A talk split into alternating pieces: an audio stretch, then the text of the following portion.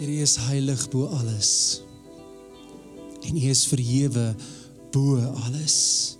Gesetel in die ereplek, Here God, kom ons vanoggend na U toe en ons aanbid U in gees en in waarheid. Dankie Here dat ons vanoggend mag weet dat U is koning van ons harte en van ons lewens. Dankie dat ons mag stil word in U teenwoordigheid en net U gees ervaar soos wat U in ons harte indeponeer. So verkeer wil ons net praat en sê in ons gebede, maar soms moet ons net stil word voor U. En in ons harte U weer plaas op die ereplek, hoog verhewe bo alles. En dankie Here dat ons vanoggend U woord mag nader met soveel liefde en met soveel deernis. Dankie dat ons U woord vanoggend mag aangryp. Mag U woord ons lewens kom verander in die naam van Jesus. Ons bid dit as gemeente en ons sê saam: Amen. Is jy geseënd vanoggend? Eer die Here. Halleluja. Kom ons neem ons sitplekke in hierdie atmosfeer van vrede en genade van die Here.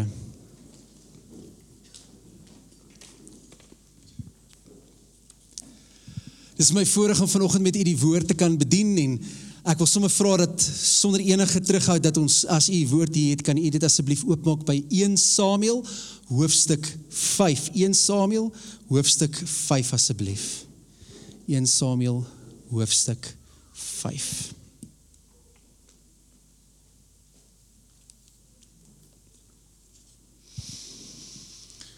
Ons vind die woord in die Ou Testament hierso op 'n interessante plek. Ons sien dat die volk is so bietjie in rep en roer. Die Filistyne het Israel oorlewer en hulle het die ark van die verbond van God geneem. En dit was nogal wel bekend in die in die in die ouer tyd dat wanneer jy 'n 'n vyand verslaan, dan neem jy dit wat vir hulle die kosbaarste is en jy neem dit na jou skatkamers toe as 'n teken, as 'n trofee dat dit wat jy het, het beteken ek het hulle oorlewer.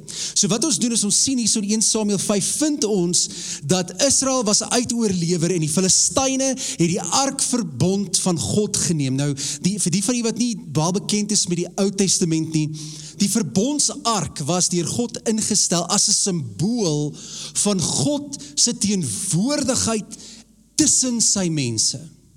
Toe die ark ge ge gemaak was, het hy was hy beslaan met goud en hy twee gerafs bo-op wat met hierdie vlerke hierdie heilige spasie maak. En ons lees in die woord dat dit is juis in die allerheiligste wanneer Moses gegaan het om met God te praat dat God se stem het tussen hierdie vlerke deur gepraat met hom. En binne in hierdie ark was geplaas die die die die, die kliptablette waarop 10 gebooie geplaas was.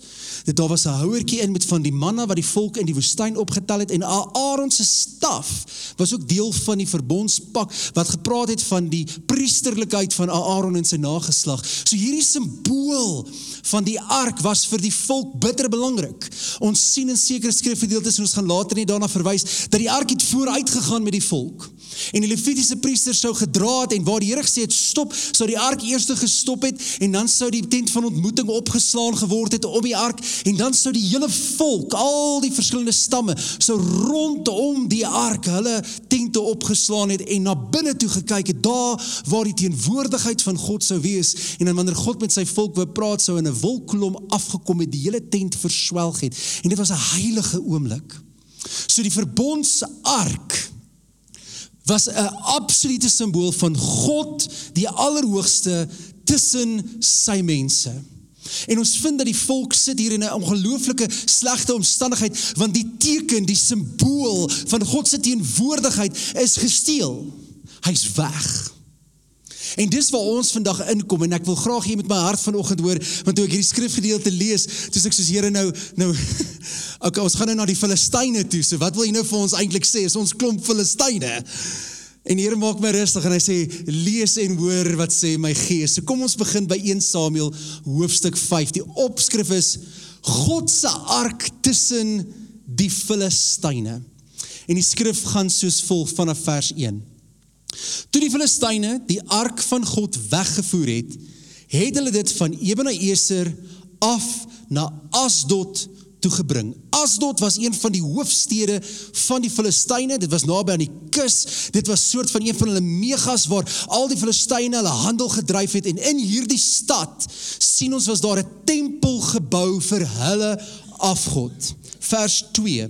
Die Filistyne het die ark van God geneem dit in die tempel van Dagon ingebring en langs Dagon neergesit. Wat 'n gevaarlike plek om te wees. Jy's die vyand van die Here en jy sit gesig tot aangesig met die teenwoordigende simbool van God. Vers 3: Toe die mense van Asdod vroeg die volgende môre opstaan, daar lê Dagon met sy gesig teen die grond voor die ark van die Here. Hulle Dagon geneem en hom op sy plek teruggesit. Dis dag 1. Dag 2. Maar toe hulle die oggend daarna vroeg opstaan en jy moet verstaan, hulle het seker gegaan om te gaan bid. Kan jy dink jou God is in hierdie tempel en jy kom die oggend daar en die volgende oggend kom jy toe hulle daar kom, lê Dagon met sy gesig teen die grond voor die ark van die Here. Dagon se kop en sy twee hande lê toe afgekap op die drempel van die tempel. Net Dagon se lyf het van hom oorgebly. Halleluja. Ek dink as die Gees nog nie met jou begin praat nie, moet die Gees nou begin praat. Kind van die Here, hier het iets ongeloofliks gebeur. Die teenwoordigheid van die Here het gekom in die teenwoordigheid van die vyand en wat gebeur? God verower sy vyand net met sy teenwoordigheid. Daarom trap die priesters van Dagon en almal wat die tempel van Dagon binne gaan tot vandag toe nie op die trimp, op die drempel van Dagon in Asdod nie. Die hand van die Here was swaar op die mense van Asdod. Hy het paniek gesaai onder hulle en hy het hulle, dit is Asdod en sy omliggende gebied, getref met swelsels. Halleluja wanneer die vyand jou wil jou goed wil kom steel, nê. Nee lekker. As die Here daar is, is daar oorwinning. Toe die manne van Asdod sien wat gebeur, sê hulle, die ark van God van Israel kan nie by ons bly nie, want sy hand rus swaar op ons en op Dagon, ons God. Haai, sies tog. Is daar maar erg as jy 'n familievergadering moet roep en sê, luister, hierdie afgod wat ons besig is om te aanbid, shame die arme ding kry bietjie swaar wanneer die Here van die Here hier teenwoordig is. Voel in my gees 'n opgewondenheid. Toe die manne van Asdod sien wat gebeur, sê hulle, die ark van God van Israel kan nie by ons bly nie. En nou gaan hulle, hulle het al die Filistynse regerders ontbied en by hulle byeengebring. Hulle vra toe, "Wat moet ons doen met die ark van die God van Israel?" Hulle antwoord was, "Die ark van die God van Israel moet na Gat verskuif." Hulle het toe die ark van die God van Israel verskuif. Gat is natuurlik dan ook die stad waar Goliat vandaan kom, die stad van reuse. Die stad wat moet natuurlik vrees inboender in hierdie God van Israel as Gat dit nie kan regkry nie, dan moet ons seker maar die reuse roep. Maar nadat hulle dit verskuif het, was die hand van die Here teen die stad. Daar het baie groot paniek geheers. Kan jy nogal sien hoe hierdie klomp reuse, hierdie manne van die manne, hierdie Filistynse soldate stad is besig om te sidder en te beef. Die spiese is besig om so klein bietjie te klingel. Die swaarde lê daar eenkant want daar is paniek. Die woord sê nie net paniek nie, die woord sê baie groot paniek. Hy het die mense van die stad getref, klein en groot, en swelsels het op hulle uitgebreek. Nou kom ons kyk of hierdie manne enigstens iets leer. Toe stuur hulle die ark van God na Ekron toe. Kan jy sien hoe wonderlik is dit? Hoe verder hierdie ark gaan, hoe meer is God besig om in die mense se lewens hierdie absolute teenwoordigheid van hom te vestig en waaroor al die ark die teenwoordigheid van die Here gaan, is daarso vir die vyand nie plek nie. Hoor wat gebeur hierso. Toe sien hulle die ark van God na Ekron, maar die oomblik toe die ark van God by Ekron aankom, het die mense van Ekron uitgeskree. Halleluja! Dit is asof die Here en sy dade het so ver vooruit gegaan dat toe die teenwoordigheid kom, toe maak die vyand so. En dan gaan dit verder. Hulle het die ark van God van Israel na ons verskuif om ons en ons volk dood te maak. Hulle het al die Filistynse regerders ontbied. Hulle byeengebring en vir hulle gesê: "Stuur die ark van God van Israel weg sodat na sy plek kan teruggaan en nie ons en ons volk doodmaak nie. Dit het immers 'n doodspaniek in die hele stad geheers. Die hand van God was baie swaarder op in vers 12. Hoor wat gebeur. Die mense wat wat nie dood is nie, is getref met swelsels en die noodkreet van die stad van die Filistyne het na die hemel gestyg. Nou, kind van die Here. My tema vanoggend is bring die ark in. Nou mag jy sê maar wag 'n bietjie pastoor, is ek nou die vyand hier so moet ons die ark bietjie terugbring. Kind van die Here, as jy dit nou nog nie vanoggend gevang het nie, waar die teenwoordigheid van die Here is, kan die vyand nie staande bly nie. Amen. Waar die simbool van God se teenwoordigheid, dis nog nie God in sy almag in die wolkkolom wat neergeval het nie. Dis net die ark waar ook al dit gekom het, selfs die afgode moes buig. Die die die woord sê vir ons dat hierdie Dagon God was half man, half vis. Dis die god van fertiliteit en in die die mitologie uit hom sy kinders was Baal. En ons weet uit die Bybelse konteks die afgod Baal was 'n was 'n vreeslike afgod in die oë van die Here. Kinders moes geoffer geword het aan hom. Dit was 'n absolute bloedbad vir daai God. En hierdie almagtige Dagon in sy tempel, die ark van die Here kom staan net langs hom. Die woord sê die ark was langs hom, maar toe hulle die volgende oggend kom, toe het hierdie standbeeld nie net geval nie. Hy het gedraai en geval tot langs die ark met sy gesig teen die grond na die ark toe. En hierdie priesters dink wat 'n ongeluk. En hulle tel die standbeeld weer op en hulle sit hom terug op sy plek. Is dit nie wat ons partykeer ook doen in ons omstandighede nie? Die Here kom in ons omstandighede soms in die teenwoordigheid van ons vyand en wanneer hy besig is om oorwinning te verower, dan dink ons, "Oké, okay, dis nou genoeg nou, dis oukei." Okay. Dan sit ons maar hierdie afgode wat ons soms ons lewens het of hierdie vyand wat ons soms toelaat terug op sy plek. Maar wat doen God in sy teenwoordigheid? Die volgende dag verbrysel hy Dagon. Die woord sê die ding het so gebreek dat sy kop en sy hande was af. Met ander woorde, hy kan nie meer praat nie en hy kan nie meer doen nie. Jy moet nou begin opgewonde raak.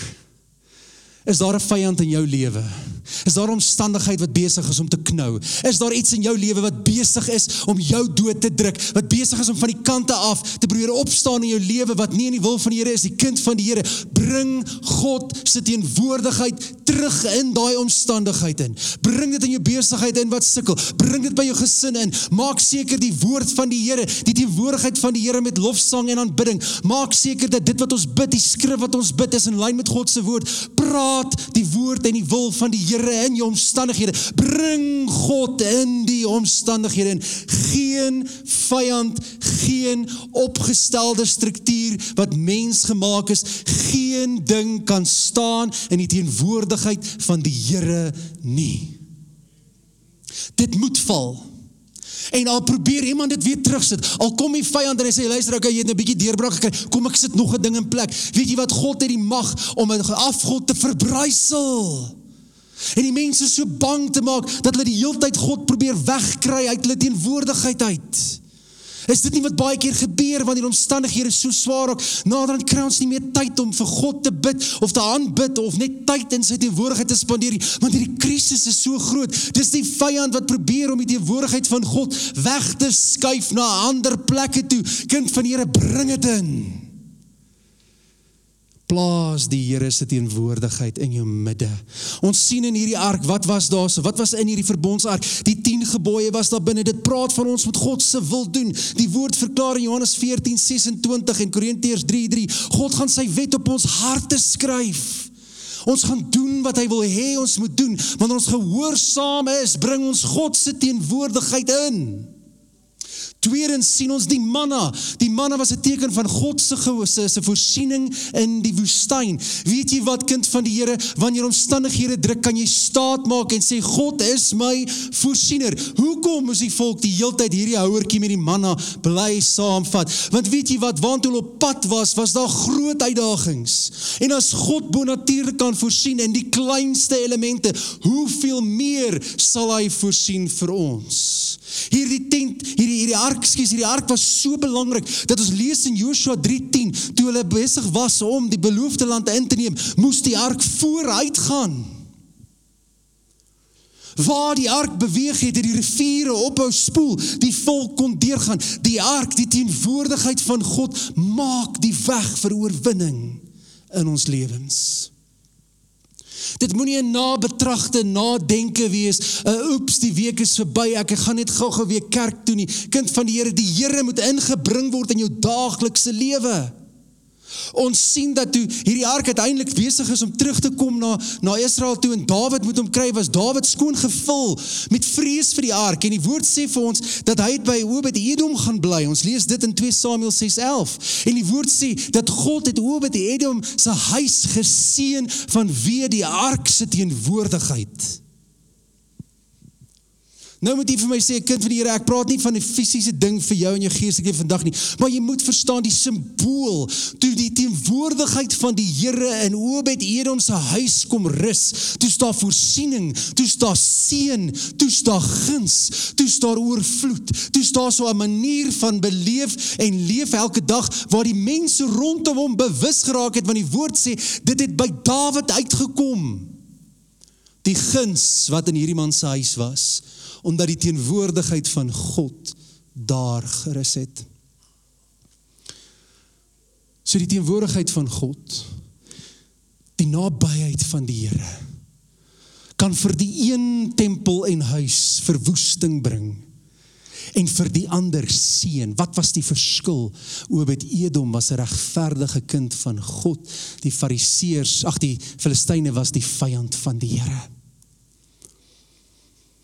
het jy hierdie God nodig om in jou omstandighede vandag die vyand bietjie te jaag. Om die vyand so klein bietjie op sy plek te sit. Of dalk is dit vandag die dag wat die Here sê ek gaan my teenwoordigheid by jou kom vestig en jy moet verstaan as jy enige afgod in jou lewe het gaan ek hom laat buig voor my. Terwyl ek dink aan die gedagtes wat die Here met hierdie versgedeeltes voor my lê, sidder ek aan hierdie punt. Maar toe word ek opgewonde in my gees. Wat is daar in ons lewens wat ons hoër en belangriker as die Here ag? Hy is immers die eerste, die almagtige, die enigste. So wat is ons besig om as 'n afgod in ons lewens toe te laat want kind van die Here, as jy gaan toelaat dat die Here se teenwoordigheid deur sy woord en sy gees met aanbidding en in gebed en lofsang en prysing in jou lewe begin invul, gaan hierdie afgode begin buig. En as jy hom weer wil terugsit, gaan hy breek. Wie het vandag verlossing nodig van verslawing of siekte of pyn? Dis tyd dat hierdie afgode in ons lewens wat soms geplaas word deur die vyand, hierdie goed wat belangriker is as God in ons lewens. Soms ons hoef nie eens voor hulle te aanbid nie. Soms kyk ons net na die dagon in ons lewens en ons dink, "Wat 'n God!" Hoe moeilik moet dit wees om teen hierdie ding te staan? En dan kom die Here net met sy teenwoordigheid deur die arkverbond en hy verbrysel dit bring die Here in jou omstandighede. Bring die Here in jou huis in. Bring die Here. Laasweek het oom Frederik was so vredelik gepreek oor die Here moet eerste wees. Bring die Here in. Vul jou huis, vul jou kar met lofsang en aanbiddingsmusiek. Maak dit 'n plek van die teenwoordigheid van die Heilige Gees. Want waar die Here se teenwoordigheid is, is daar vryheid sê die woord.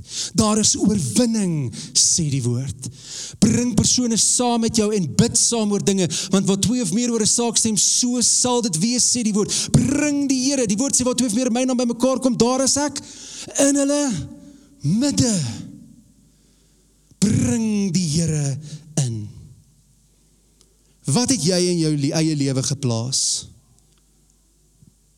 Hoor as God die almagtige wat jy voor hom moet kom bely en oorgee. Dit kan nie staande bly in sy teenwoordigheid nie. Soms is die grootste ding wat ons moet oorgee my eie wil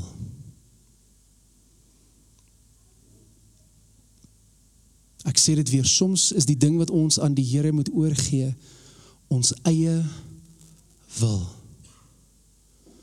Ons leef in 'n tyd waar die eie ek so sterk op die troon van die selfverhefte God sit dat wanneer God sê dan sê ons nee. As God vra dan sê ons miskien 'n ander keer. As God praat sê ons maar ek wil nou eers. Miskien moet ons ons eie wil soms voor die Here kom neerlê en sê Here, hier is my afgod, my eie wil. En laat toe dat God se teenwoordigheid dit verbrysel. Hoekom? Daar is oorwinning in die bevryding wat God bring. Daar is vryheid. Die woord verklaar vir ons in 1 Korintiërs 8 vers 6. Daar is net een God die Vader en net een Jesus Christus sy seun. En dan gaan hy verder en sê maar nie almal het hierdie wysheid nie. Dis as wie woord ons soms wil waarsku en sê pas op. Soms plaas ons ander gode in plek soms is die tempel van Dagon ons eie tempel wat ons opgerig het en standbeelde of noem dit maar gewoontes of noem dit maar sonde geplaas het wat na ons so groot en oorweldigend lyk dat ons kan nie anders dan net om te buig voor dit nie. Party van ons het in ons lewens soveel gewoontes gemaak dat ons naderhand sê ek kan nie anders nie. En dan kom die teenwoordigheid van God En al wat jy moet doen is jy moet dit net los daar in die teenwoordigheid. Hulle het nie gaan staan en probeer iets doen nie.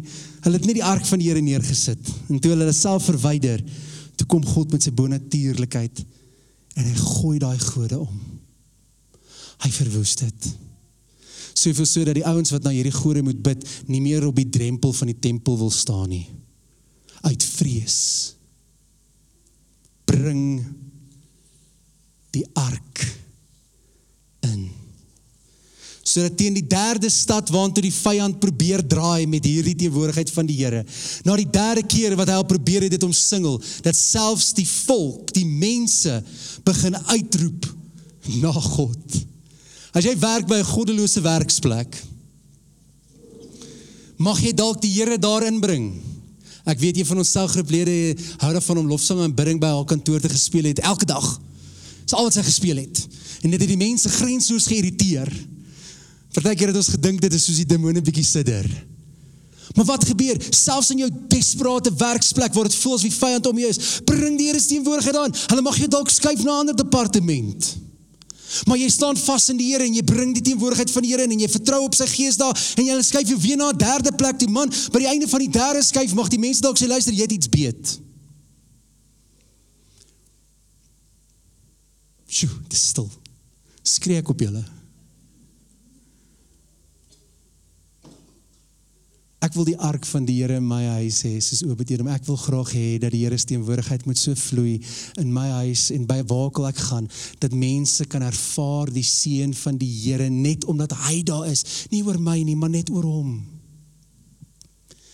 Ek wil hê ons moet die Here se teenwoordigheid smag in ons daaglikse lewe sodat elke vyand sal val op sy gesig. Dis asof die standbeeld eerste aanbid het en toe die tweede keer toe maak die Here van hom sommer klaar.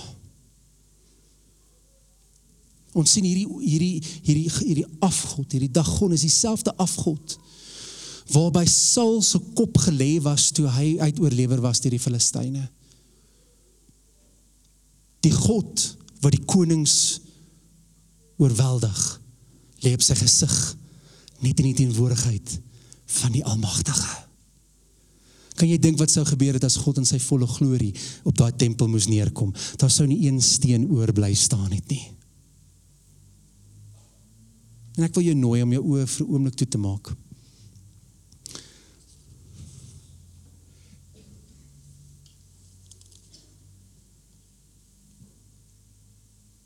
Ek wil jy met vir 'n oomblik die Heilige Gees toelaat om aan jou te openbaar Watter vyand staan en gluur oor jou? Watter omstandigheid is besig om te lyk asof dit jou wil intimideer? Watter besluit staan voor jou soos 'n berg? As die woord sê werp jy bekommernis op hom, wil ek jou vanoggend aanmoedig om sê Here kom in my omstandigheid in. Kom vestig u teenwoordigheid in die middel van dit. Sodat ek kan sien hoe hierdie vyand, hoe hierdie standbeeld, hoe hierdie berg in mekaar tuimel voor U. Here, as dit 'n besluit is wat vir my lyk asof ek nie weet wat om te doen nie. Here, kom en wees God in daai besluit. Die woord sê Here ons ons dink dalk wat ons wil doen, maar U rig ons voetstappe. Kom wees en beheer, Here, word deel van my lewe. Word deel van my daaglikse bestaan. Here, ek wil U teenwoordigheid beleef. Ek wil U aanbid. Ek wil U woord lees. Ek wil tot U bid. Ek wil met ander oor U praat. Ek wil hê dat U denke moet my denke word in hierdie omstandighede. Here, sodat ons ook die volgende dag dalk kan kom en sien hoe U die oorwinning behaal het. Mag ons Here dan ook beleef hoe U teenwoordigheid in ons huise seën bring soos Obed Edom. Here, dankie dat ons weet waar U teenwoordigheid is, is daar vryheid, waar U teenwoordigheid is, is daar vernuwing, waar U Gees beweeg, Here, is daar inspraak van U, is daar versterking van U, is daar bonatuurlike krag uit U stoorkamer vir ons. Here, mag ons u teenwoordigheid inbring in alle fasette van ons lewens. Die vyand kan nie bly staan nie. Die valse gode, die verslawing, die siekte, die pes kan nie staande bly nie. Dankie Here dat U ons roep in 1 Petrus 2 vers 9 as 'n heilige priesterdom dat ons u teenwoordigheid mag binnegaan met soveel vrymoedigheid. En weet Abba Vader Here dat elke dag terwyl ons tot U nader is U Heilige Gees besig om in te staan vir ons by die Vader. En U Here Jesus as Hoëpriester wat vir ons instaan by die Vader. En so Here wanneer ons U teenwoordigheid aanroep is U daar in U volheid. En Here dankie dat ons dan net kan sien en verklaar die Here is goed. Here Jesus U het U disippels aangemoedig dat as ons die geloof van 'n mosterdsaad het, sal ons kan beveel en selfs die natuur sal gebied. Mag ons u woord aanhaal dag na dag oor ons omstandighede en oor ons vyand, want u het reeds die oorwinning aan die kruis vir ons behaal. En ek bid dit in die naam van Jesus alleen. Amen.